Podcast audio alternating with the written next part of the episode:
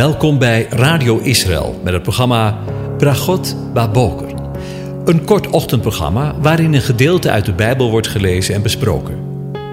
Met Bragot Baboker wensen onze luisteraars zegeningen in de ochtend.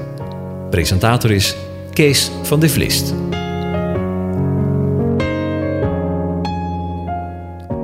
Goedemorgen, Bokatov, beste luisteraars. Vanmorgen gaan we weer verder met Psalm 104. En ik lees de versen 24 tot en met 29 aan je voor.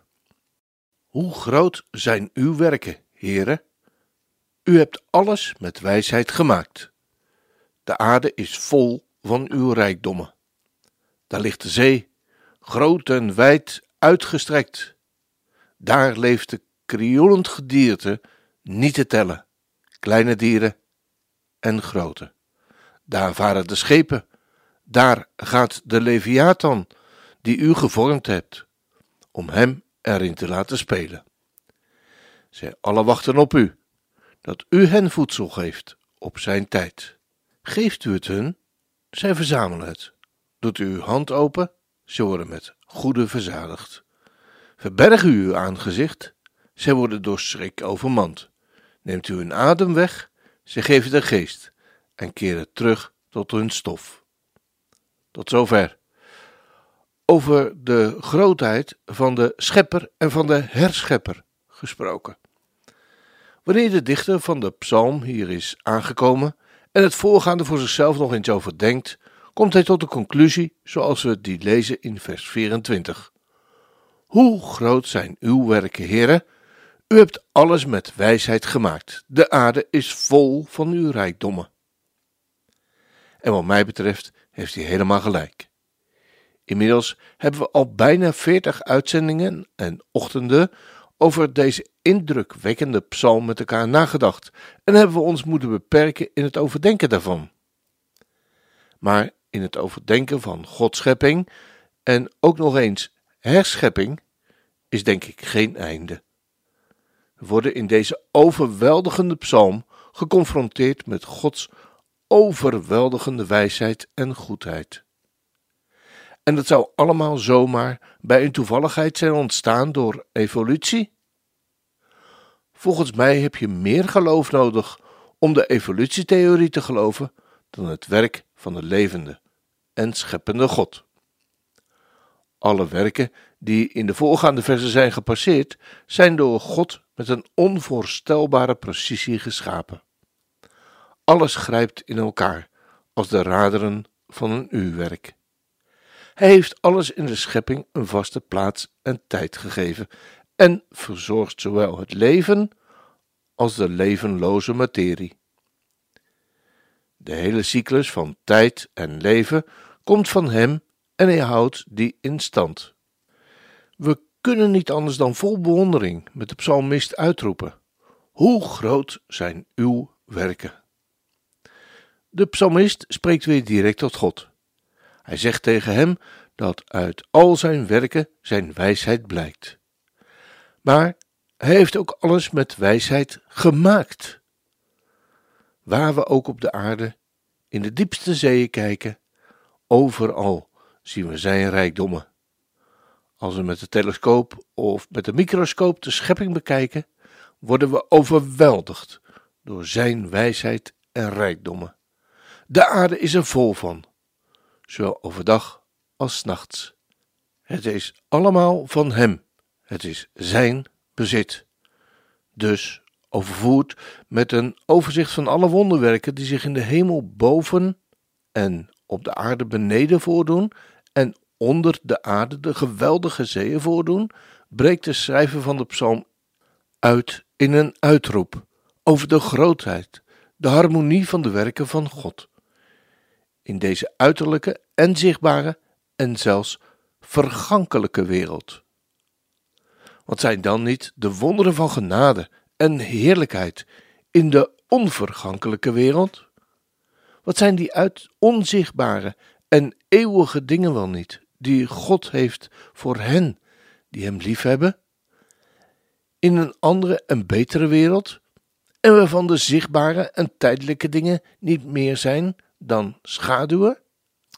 We kunnen de wonderwerken van de wereld waarin wij leven al niet bevatten.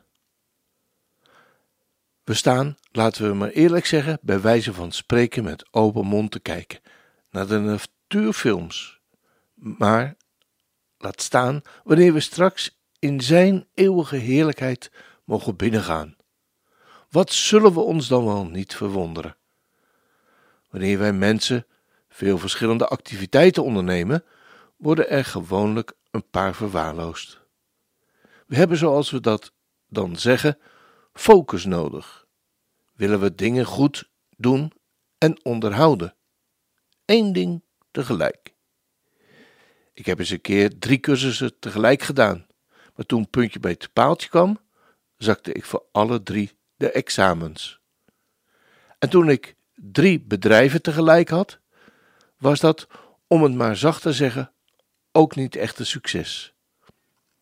Maar Gods werken, hoewel vele en van verschillende soorten, zijn toch allemaal gemaakt in wijsheid en met de grootste nauwkeurigheid. Er is niet de minste fout in. De meest volmaakte menselijke kunstwerken, hoe beter en intensiever ze worden bekeken, blijken toch onvolkomenheden te bevatten. En ze zijn steeds weer voor verbetering vatbaar. Innovatie op innovatie vindt dan plaats om het product steeds beter te maken. Maar hoe meer de werken van God worden onderzocht, hoe volmaakter en vollediger ze lijken te worden. Gods werken zijn allemaal gemaakt in wijsheid. Want ze zijn allemaal gemaakt om te beantwoorden aan het hoogste doel, tot eer van de koning. De aarde is vol van uw rijkdommen. Die zijn het effect van uw goedheid en macht. En weet u, zo is het in het natuurlijke leven. Maar zo is het zeker ook in het geestelijk leven. Wanneer we ons steeds meer verdiepen in Gods verlossingswerk, des te meer gaan we ons verwonderen over de rijkdommen die er liggen in het woord van God. En als dat geen zegen is,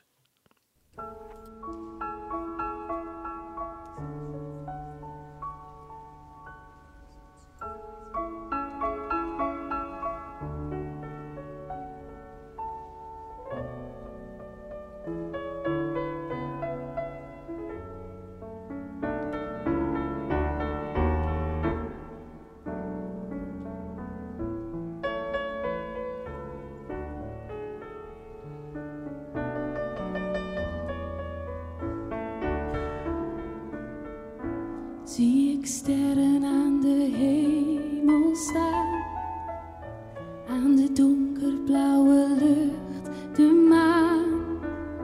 Is het of de nacht mij noemt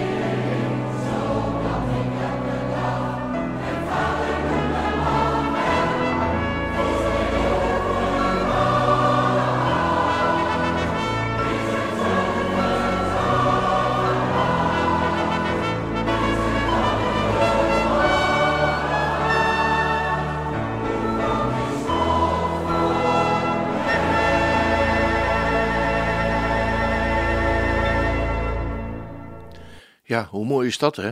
Als je je dag mag beginnen met een uitroep.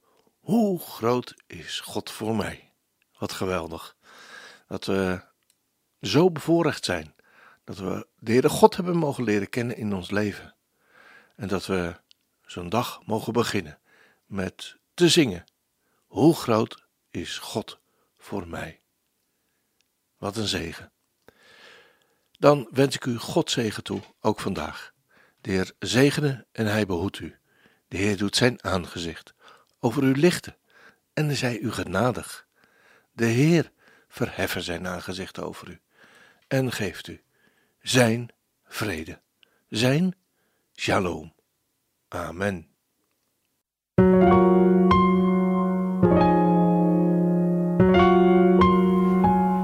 U hebt geluisterd naar het programma Bragot Baboker. Een kort ochtendprogramma waarin een gedeelte uit de Bijbel wordt gelezen en besproken. Wilt u het programma nog eens naluisteren, dan kan dat. Ga naar radioisrael.nl en klik onder het kopje radio op Uitzending gemist.